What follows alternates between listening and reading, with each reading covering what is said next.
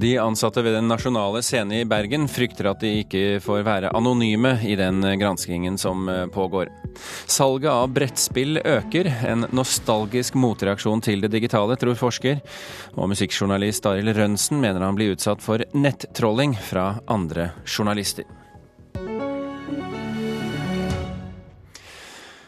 Vi begynner i Bergen, der striden ved Den nasjonale scene fortsetter. Utgangspunktet for striden er at teaterets direktør er blitt anklaget for å trakassere de ansatte og for å ha oppfordret til dokumentfalsk.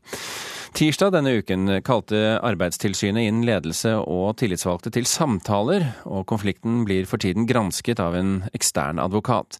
Men de ansatte ved teatret skal nå frykte at det de forteller til advokaten, blir fortalt videre til teaterdirektøren, som altså er under gransking. Tidligere kommunikasjonsdirektør Finn Bjørn Tønder er redd for at det skremmer folk fra å snakke. Jeg har vært i to, jeg kaller det for avhør.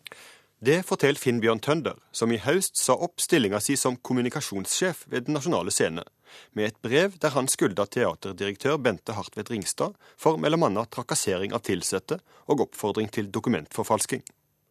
I høst har teatersjef Agnete Haaland engasjert en ekstern advokat til å granske arbeidsmiljøet og skyldningene mot teaterdirektøren. Alt blir tatt opp på lydbånd og ble skrevet ned i referatsform. Fra flere kilder så har vi hørt at det som blir sagt til granskeren, blir formidla tilbake til direktøren. Vet du noe om det? Ja, det er korrekt. Jeg har fått vite det fra granskeren at alt som jeg sier i avhør, det får direktør Bente Hartvedt Ringstad lese. Men jeg får ikke lese hva hun forklarer i avhør. Det skremmer ikke meg, men jeg er redd for at det kanskje skremmer andre på huset fra å snakke i samtaler med denne granskeren. Teatersjef Haaland sa tidligere i høst til NRK at spillereglene for granskinga må ha tillit blant alle på teatret. Skal denne undersøkelsen ha troverdighet og være god, så må metoden og de som skal hjelpe oss, ha tillit i organisasjonen. Denne veka spurte vi Haaland hvem som får tilgang til granskingsintervjuer. Er det konfidensielle samtaler de har med denne granskeren? Jeg har blitt fortalt at direktør Ringstad blir holdt løpende informert om hva som blir formidla. At hun blir holdt løpende formidlet? Nei, nei, nei. Etter at NRK fra flere hall har fått høre det motsatte, avslo Haaland i går å intervjues. Finn Bjørn Tønder forteller dette. Jeg var på et møte der også direktøren var til stede. og da på eget initiativ sa hun at jeg får vite alt det dere sier. Hun gjorde det ettertrykkelig klart at hun fikk lese alle forklaringer. Direktør Bente Hartvedt Ringstad har i hele høst takka nei til intervju. I går sa hun til NRK at hun sa dette til lederne og de tillitsvalgte på møtet. Jeg kjenner hva juridiske retter jeg har i forhold til denne saka. Advokat Toril Vik, som står for granskinga, viser til at hun følger Advokatforeningen sine retningslinjer for private granskinger. Disse ble bl.a. utforma av advokat Preben Mo i firmaet Føyen og Torkelsen. Som prinsipp så er jo kontradiksjon grunnleggende den som blir gransket, får muligheten til å imøtegå det vedkommende blir anklaget for. Retten til å forklare seg anonymt er generelt mindre viktig enn retten til å få høre anklagene og ta til motmæle, sier Preben Mo. I de fleste tilfeller så må man nok si at kravet om kontradiksjon må veie tyngre enn ønsket om anonymitet. Hensikten med granskinga er jo å få fram mest mulig informasjon, men dette kan jo føre til at folk ikke vil forklare seg? Det er helt klart at eh, det eh, kan det. Det gir en følelse av utrygghet for folk her på huset, som de har formidlet til meg. Veldig mange her på huset har nevnt akkurat dette for de føler seg utrygge på det. Eh, det kan selvfølgelig oppleves problematisk for enkelte ansatte, men kontradiksjonsprinsippet står veldig sterkt for å ivareta rettighetene til den som blir anklaget.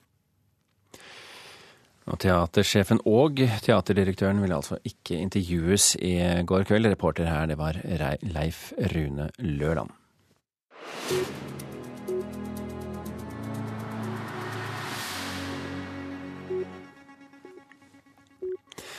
LO inviterer kunstnere og kulturarbeidere til å bli med i et nytt forbund. Håpet er å sikre seg 12 000 nye medlemmer. LOs sekretær for kultur, René Rasmussen, sier til Klassekampen i dag at det foregår en kraftig profesjonalisering på arbeidsgiversiden, og at det krever opprustning på arbeidstakersiden. LO håper dette kan føre til en samling av 15 nye LO-tilsluttede særforbund. Flere kjente bloggere risikerer å bli diskvalifisert fra prisutdelingen Vixen Blog Awards i januar. Grunnen er at de slurver med merking av reklame og opphavsrett. Jurymedlem Hans Petter Nygaard Hansen sier til Dagbladet at flere semifinalister vil bli strøket om de ikke skjerper seg. I sommer fikk flere bloggere kritikk av Forbrukerombudet for dårlig merking av reklame. Blant dem som fikk kritikk var Tone Damli Aaberge, Camilla Pil og Lene Orvik, som alle er semifinalister til bloggprisen. Nordmenn kjøper mer brettspill enn noensinne, og dette kan være en motreaksjon til det digitale presset i hverdagen, mener forsker Håkon Fyn ved NTNU. De seks største forhandlerne opplever sterk øking i salget av brettspill. Hos enkelte har salget økt med 50% det bare det siste året. Akkurat veltepetter, ja. Det er altså ferdighetsspill, som sagt, og det passer jo ikke for alle. Nei. To voksne menn og et magnetballspill som de tror kan bli den nye brettspillhiten, nemlig Klask. Man får ut veldig mye av den aggresjonen man bygger opp i løpet av en hard uke. Ah, nei! Knut Strømfors som ubønnhørlig er på vei mot det som skal bli et klasktap til slutt i denne reportasjen. Jobber i brettspillforlaget Vennerød og nettbutikken brettspill.no. De har opplevd en dobling i salget det siste året, og distribuerer spill fra et stort lager på Ryen i Oslo. Ja, her har vi kanskje 200 000-300 000 spill.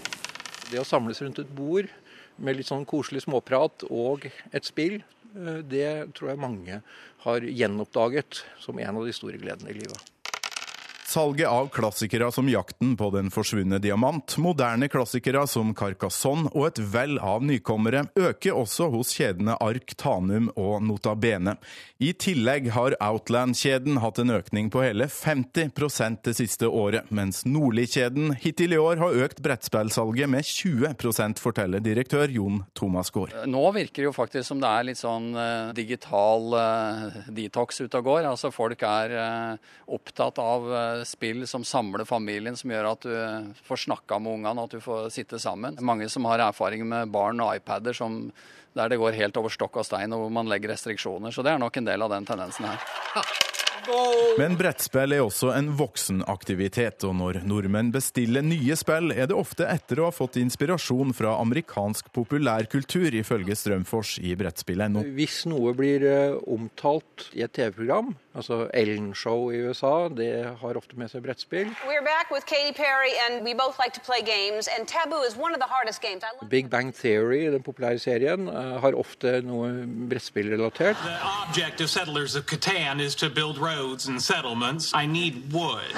Og Der er det en av de som er viktig i serien. Han har sitt eget podkast uh, som omtaler brettspill. Tabletop, Og når han tar opp noe i sin podkast, så ser ser vi at det gir resultater også i Norge.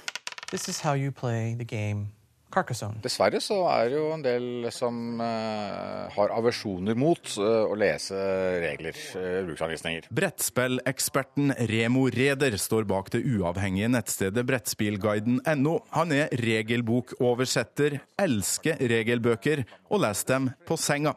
For alle oss andre vil han anbefale instruksjonsvideoer på YouTube. Da gjør jo det selvfølgelig spillene mer lettilgjengelige, at det går an å se en instruksjonsvideo. Hey folks,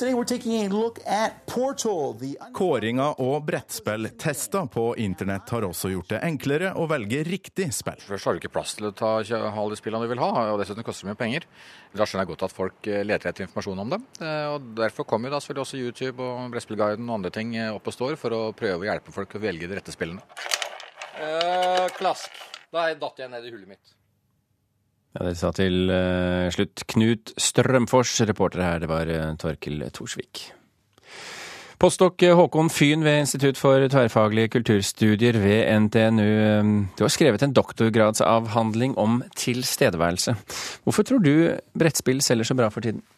Jeg tror eh, det handler litt om at eh, en større og større del av virkeligheten vår er prosessert digitalt nå. Enten det er på jobben eller på fritida. Så forholder vi oss til digital informasjon gjennom ganske smale kommunikasjonsflater, skjermer, da, små skjermer. Jeg tror det, folk føler et behov for å, hva skal jeg si, for å puste en annen slags oksygen. Da. Det er en slags nostalgi nærmest mot det å faktisk forholde seg til en fysisk virkelighet. Men er det nostalgi, eller er det et behov? Jeg, jeg tror det er begge deler. Det er, det er et, et, behov for å spille på det registeret som vi mennesker tross alt er laga for å forholde oss til, da, i den fysiske virkeligheten. Hva er det som skjer da når vi møtes fysisk, som vi for så vidt går glipp av i det digitale? Eh, altså det er jo utrolig mye informasjon som ligger bare i måten vi holder blikket på. Sant? I små bevegelser, nyanser i måten vi plasserer oss på i rommet. Eh, små lyder, lukt. Alt det her er jo et sånt, hva skal jeg si, et sanseregister da, som vi egentlig må jobbe ganske mye for å lære oss å, å håndtere. da. Så hvis brettspill er en motereaksjon, eh, er, vil du si at det er en sunn motreaksjon? Ja, helt klart. Eh, jeg spiller jo brettspill sjøl med ungene mine, og det er jo, jeg merker jo spesielt nå i iPadens tidsalder også at det er, det er viktig å ta grep faktisk for at vi skal møtes eh, på en annen måte. og ja, Ta grep, hvordan da? Det at vi tar fram brettspill og setter oss rundt et bord og spiller brett. Mm. Eh, rett og slett. I din doktorgradsavhandling om tilstedeværelse, hva var konklusjonen der for øvrig? Ja, det jeg så på, var jo egentlig hva det er som skjer når folk møtes eh, sammen. Og det som var eh, Hva skal jeg si? Eh, målet med den avhandlinga var jo å finne en måte å snakke om det her på. Og, og, det som jeg gjorde, var egentlig å ta utgangspunkt i det som vi skaper sammen. For alltid når folk møtes, så skapes det et eller annet sammen. da. Mm. Så det handler om å Ja. Håkon Fyn, Institutt for tverrfaglige kulturstudier ved NTNU, tusen hjertelig takk for at du var med i Kulturnytt. Klokken har passert eh, kvart over åtte. Du hører på Kulturnytt, altså. Og eh, dette er toppsaken i Nyhetsmorgen nå. Terrorgruppen IS truer New York i en ny video. Vi er på vakt, sier politiet i byen. Vi lar oss ikke true, sier ordfører Bill de Blasio. Det kan ta opp mot to år før alle de nye asylsøkerne får svar på om de får bli. Norsk organisasjon for asylsøkere, NOAS, mener flere ressurser bør settes inn for å korte ned ventetiden. Og flere banker har vært for rause med utlånene. Nå får de refs av Finanstilsynet. Susanne Christensen det er en dansk-norsk kritiker og essayist. I forrige uke kom hennes eh, nye bok En punkbønn. Leif Ekle, hva slags bok er dette? Ja, Den enkleste måten å svare på det på, det er å sitere undertittelen til en punkbønn. 'Musikk og aktivisme i Russland og i Nord-Amerika'. Så det er det det handler om. Det er det det handler om, men hva, hvilken uh, musikk og hvilken aktivisme? Dette er jo da for det første punk, uh, og det er eh, den aktivismen som man kan si punken har utviklet seg til å bli. Ehm, denne boka forholder seg til en moderne variant av punk, som Christensen sier i boka si, ikke lenger siterer punken fra England eh, anno 1977 med Sid Vicious og Sex Pistols og usunn livsførsel. Men det var jo også, eh, punken den gang var jo også en, et opprør mot autoriteter og den slags? Ja, definitivt. Og det må det vel kunne sies å være fremdeles? Det er det, eh, men det har altså utvikla seg til en, en, en, slags undergrunnskultur der aktivisme, eh, demonstrasjons aktivisme er blitt, eh, og et helt sett av holdninger og ideer, til dels motstridende, eh, er en sånn felles paraply for hele bevegelsen. Men er det en bok om musikk, dette? I forholdsvis liten grad. Altså, Punk som musikk og uttrykksform ligger jo i bånn hele tida. Men det handler jo veldig mye mer om det som denne punken brukes til, og den måten den forholder seg til samfunnet rundt på.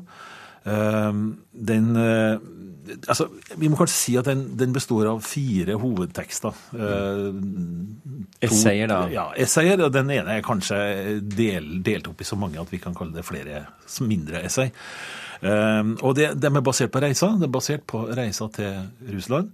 St. Petersburg først og fremst, og så til USA, til New York og til den byen som heter Olympia, oppe i nordvest der, hvor grunchen hadde sitt eh, utgangspunkt, og hvor også det fenomenet som kalles Riot Girl eh, hadde sitt eh, utgangspunkt, omtrent samtidig, tidlig på 90-tallet. Um, og så er det også noen reiser til Berlin. Men det er de to første som på en måte er hovedbestanddelene, opplever jeg det. Uh, ja. Hva er det hun har på hjertet? Det er en personlig innfallsvinkel til dette. Uh, vi forstår at dette har bakgrunn i Susanne Christensens eget forhold til musikk. Og eget forhold til det å skulle være jente i denne, denne kulturen vi har omgitt oss med ganske lenge, som er ekstremt manns-, guttedominert, og ikke minst gjelder det musikkmiljøet. Ehm, og i forhold til Russland så blir det en undersøkelse av eh, først og fremst da denne her, uh, Pussy Riot-hendelsen i 2012 i Frelsekatedralen i St. Petersburg, hvor det førte til at to av medlemmene havna i fengsel. Uh, men etterpå, da, disse omfattende og varige, langvarige demonstrasjonene Eh, mot eh, undertrykkinga av lesbiske, homofile osv. i Russland. Prøve å undersøke og forstå hva det egentlig er som foregår der. Og så er det da tilbake på 90-tallet det som på en måte er inspirasjonskilden for det russiske igjen, nemlig Riot Girl-bevegelsen. Det kommer jo utrolig mange bøker eh, i året, og dere i litteraturavdelingen her i NRK dere må jo gjøre visse utvalg, og enda skarpe utvalg for hva du kommer med hit i Kulturnytt. Hvorfor brakte du denne boken inn nå? Det, det, som du sier, det, det, kommer mye. Og det har kommet mange musikkbiografier i år. Eh, noen av dem har også med punk å gjøre. Eh, jeg har ikke rukket å lese mer enn tre-fire, men det er kvaliteten er blanda. Eh, mens her, dette er en bok som går mye dypere inn i, i alt sammen, for å si det sånn. Eh, I hele kulturen, i hele bakgrunnsmaterialet. Eh, og det er en spennende bok om hvordan samfunnene utvikler seg, sjøl om det går an å si at ikke alt er like vellykka. Så dette, dette er vesentlig og interessant.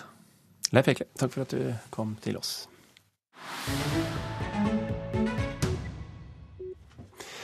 Musikkjournalist Arild Rønsen mener han blir utsatt for nettrolling fra andre journalister. I forgårs skrev han en anmeldelse av det siste albumet til Eagles of Death Metal, altså dette bandet som sto på scenen under eh, terrorangrepet i Paris.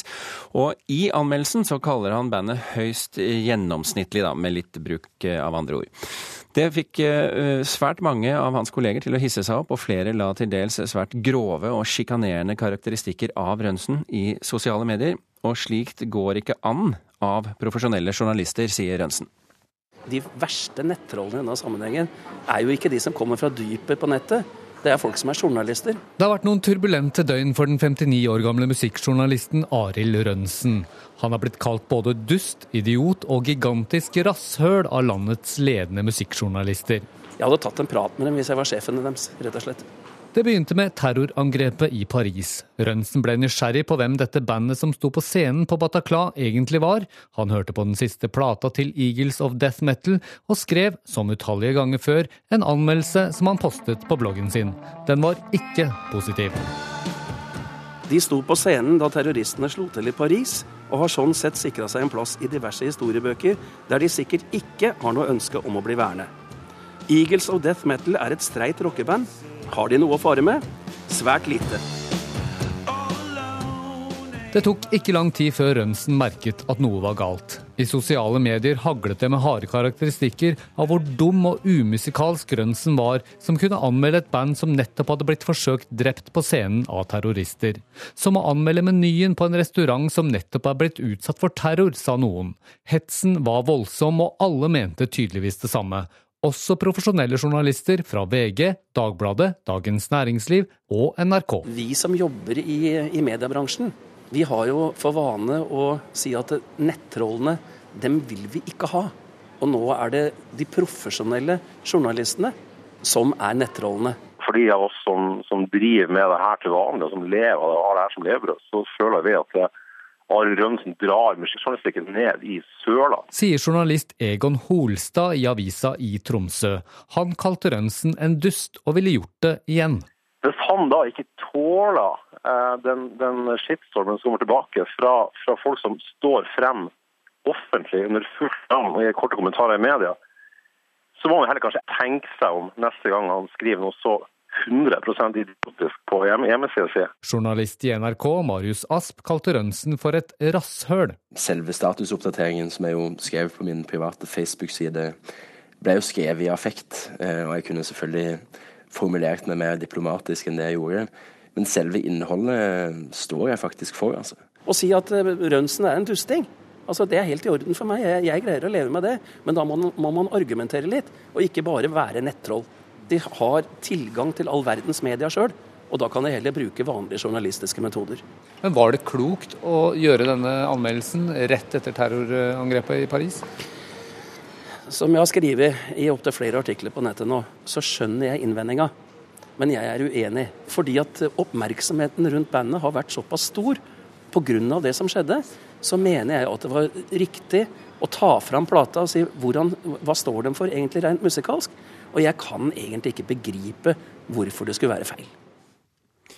Ja, det sa Arild Rønsen til vår reporter Petter Sommer, og du kan selvfølgelig lese mer om dette på våre nettsider nrk.no, og, og se hvilke reaksjoner han møtte.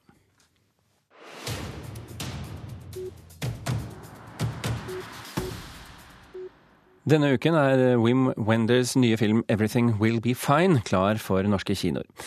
Wenders er kjent for filmer som eh, Paris, Texas, Himmelen over Berlin og Buena Vista Social Club, og denne gangen har den tyske regissøren samarbeidet med norske Bjørn Olav Johannessen om manuset. Men selv om manuskriptet gir rike muligheter til fortolkninger, så blir filmen for monotont lavmælt og dvelende for vår anmelder. Bjørn Olaf Johannessen har skrevet en utmerket historie om sorg, skyldfølelse, forpliktende nye bindinger, og om at livet går videre på en måte. På en annen måte. Det kunne vært laget ti ganske ulike filmer med forskjellig spenningsnivå av det manuset. Alle gode.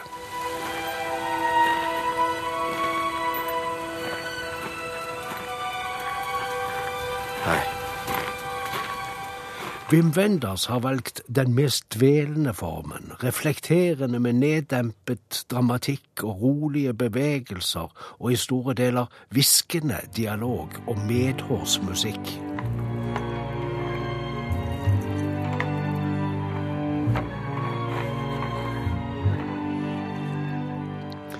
Wim Wenders er en stor regissør. I 45 år har han levert. På 80- og 90-tallet leverte han aller best.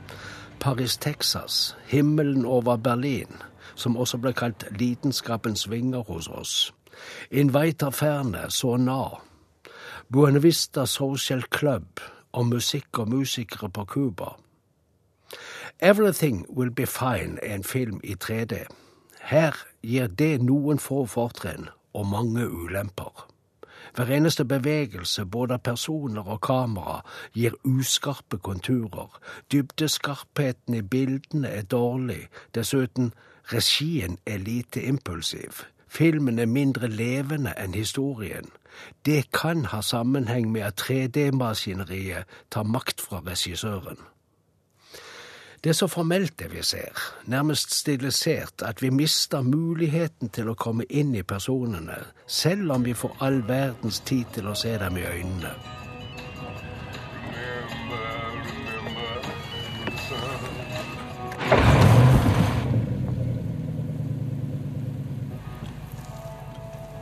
Det begynner dramatisk. Thomas, en ung og usikker forfatter, kjører en tur for å samle tanker og ideer.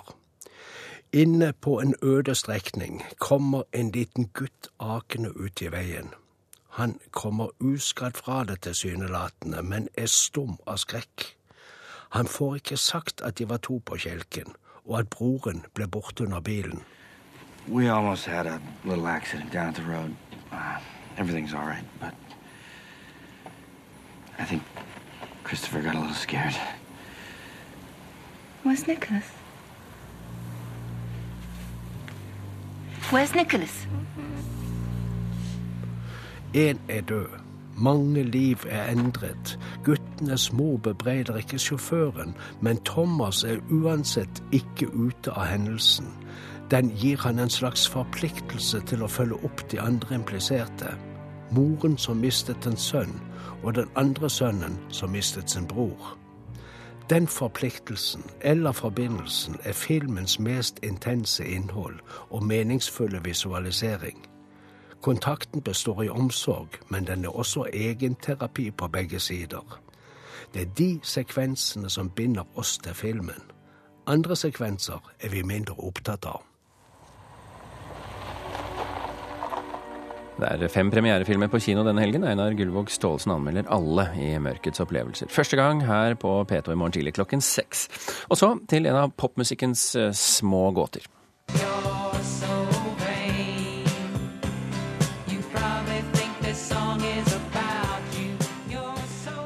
Fans har i over 40 år spekulert i hvem som er inspirasjonen til Carly Simons hits You're So Vain.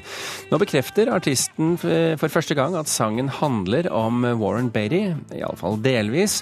Dette har jo folk gjettet på i mange år, men likevel. Simon sier den handler om tre kjente menn hun har hatt et forhold til. Hvem de to andre er, det vil hun ikke ut med, men sier til People Magazine at Beatty tror hele sangen handler om ham.